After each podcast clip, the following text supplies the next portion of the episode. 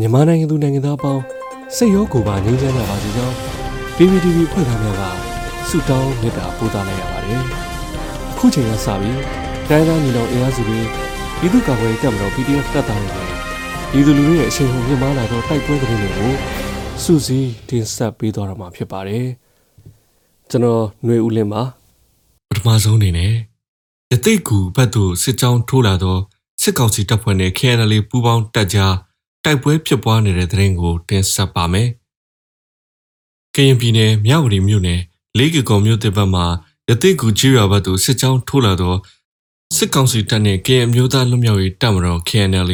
PDF ပူးပေါင်းတပ်ဖွဲ့များကြားဒီနေ့မတ်လ9ရက်နနက်အစောပိုင်းမှာစတင်ကတိုက်ပွဲဖြစ်ပွားနေပြီးလေးကကုံမြို့တဲ့အနီးရှိစစ်ကောင်စီတပ်ဆွဲထားရာအမြောက်ကုန်းမှာလက်နက်ကြီးပစ်ကူပေးနေကြောင်းသတင်းရရှိပါတယ်။တ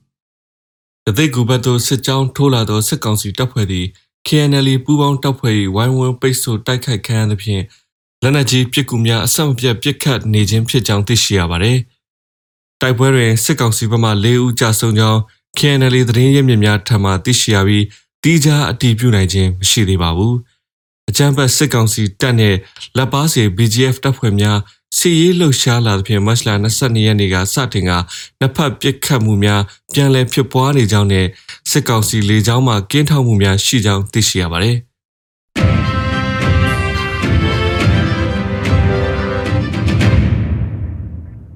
ဆလပီဒီမော့ဆူကြောက်ဆယ်ကန်နဲ့သေးစုလဲတွင်ယနေ့တိုက်ပွဲဆက်ဖြစ် လေကြောင်းမှာရှစ်ကြိမ်ပြစ်ခတ်တိုက်ခိုက်တယ်ဆိုတဲ့သတင်းကိုတင်ဆက်ပါမယ်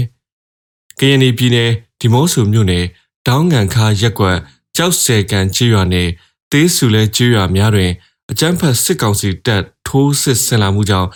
ကရင်ပူးပေါင်းတပ်ဖွဲ့များနဲ့ယနေ့မတ်လ9ရက်နေ့နက်6နာရီမှာစတင်ကတိုက်ပွဲဖြစ်ပွားနေကြောင်းသတင်းရရှိပါရယ်။ယနေ့မတ်လ6ရက်နေ့တွင်ဒီမော့ဆူမြို့နယ်ငွေတောင်ချေးရွာအုပ်စုဖျားငုတ်တူချေးရွာကြောက်ဆယ်ကန်တွင် ထိုးစစ်ဆင်လာသောစစ်ကောင်စီတပ်ဖွဲ့ကိုပြည်သူ့ကာကွယ်ရေးတပ်ဒီမော့ဆို DMO Local PDF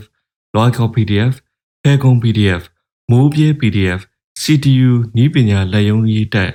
အလဲပိုင်းတိုင်းအထူးစစ်စင်ရေးနဲ့အခြားတော်လှန်ရေးတပ်များပူးပေါင်းက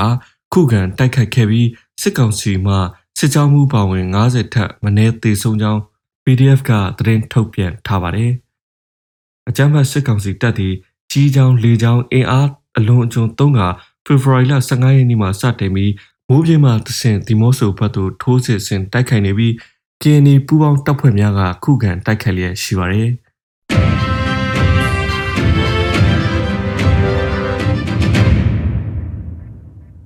မိုးညင်းနဲ့နံမားကြားတိုက်ပွဲတွင် PDF ခရဦးချဆုံးစစ်သား20ကျော်တေဆုံးတယ်ဆိုတဲ့သတင်းကိုဆက်လက်တင်ဆက်ပါမယ်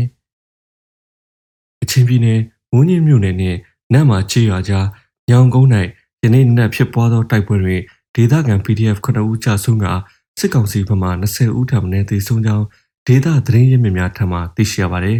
။မိုးညမြမှာထွက်ခွာလာသောစစ်ကောင်စီရင်နှန်းကိုကချင်လွတ်လပ်ရေးတပ်မတော် KIA နဲ့ပူးပေါင်းတပ်ဖွဲ့ကမိုင်းဆွဲတိုက်ခတ်ခဲ့ပြီးမတ်လ9ရက်နေ့ယနေ့နက်9နာရီဝန်းကျင်တွင်တိုက်ပွဲဖြစ်ပွားခဲ့ခြင်းဖြစ်ကြောင်းသိရှိရပါသည်။တိုက်ပွဲတွင်လက်နက်ကြီးလက်နက်ငယ်ပစ်ခတ်တံများသည့်မိုးညင်းနှင့် နတ်မားချေရွာများမှာပင်ကြားရပြီးဈေးဆိုင်ခန်းများပိတ်သိမ်းကအရေးပေါ်ရှောင်တိန်မှုများပြုလုပ်နေရကြောင်းသိရှိရပါတယ်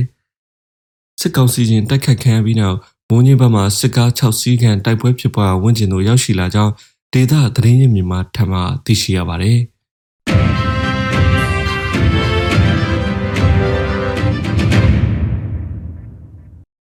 နောက်ဆုံးအနေနဲ့အမျိုးသားညီညွတ်ရေးဆိုရာပြည်ထောင်နဲ့လူမှုကြီးကြပ်ရေးဝန်ကြီးဌာနက 2022ခုနှစ်မတ်လ9ရက်နေ့ရက်စွဲနဲ့ထုတ်ပြန်တဲ့ပြည်သူခုခံတော်လှန်စစ်သတင်းချက်လက်တွေကိုတင်ဆက်ပေးသွားမှာပါ။အာဏာသိမ်းအကြမ်းဖက်ဆုပ်ဆူပြည်သူလူထုပေါ်အကြမ်းဖက်ဖိနှိပ်ဖမ်းဆီးတိုက်ခိုက်တပ်ဖြတ်နေမှုများကိုပြည်သူလူထုတရလုံးကအသက်ရှင်တန်ရေးအတွက်မိမိကိုယ်ကိုမိမိခုခံကာကွယ်ပိုင်ခွင့်ရာပြည်သူခုခံစစ် People Defenses War ကိုဆင်နွှဲလျက်ရှိပါတယ်။သတင်းချက်လက်များရာ6ရက်3လ2022ခုနှစ်နေ့ရက်တွင် စစ်ကောင်စီတပ်ဖွဲ့ဝင်82ဦးသေဆုံးပြီးထိခိုက်ဒဏ်ရာရရှိသူ12ဦးအထိခုခံတိုက်ခိုက်နိုင်ခဲ့ပါတယ်။စစ်အာဏာရှင်စနစ်မြမမျိုးပေါ်မှာအပြီးပိုင်ခြုံငင်းရေးနဲ့ Federal Democracy စနစ်တည်ဆောက်ရေးအတွက်ငြိမ်းချမ်းစွာဆန္ဒပြသည့်ဒုဒုတပိတ်တိုက်ပွဲများကပြည်내နဲ့တိုင်းဒေသကြီးများမှာဖြစ်ပွားပေါ်ပေါက်လျက်ရှိပါတယ်။မြေပြင်မှာယခုတွေ့ရတဲ့သတင်းချက်လက်များထက်ပို၍ဖြစ်ပွားနိုင်ပါတယ်ခင်ဗျာ။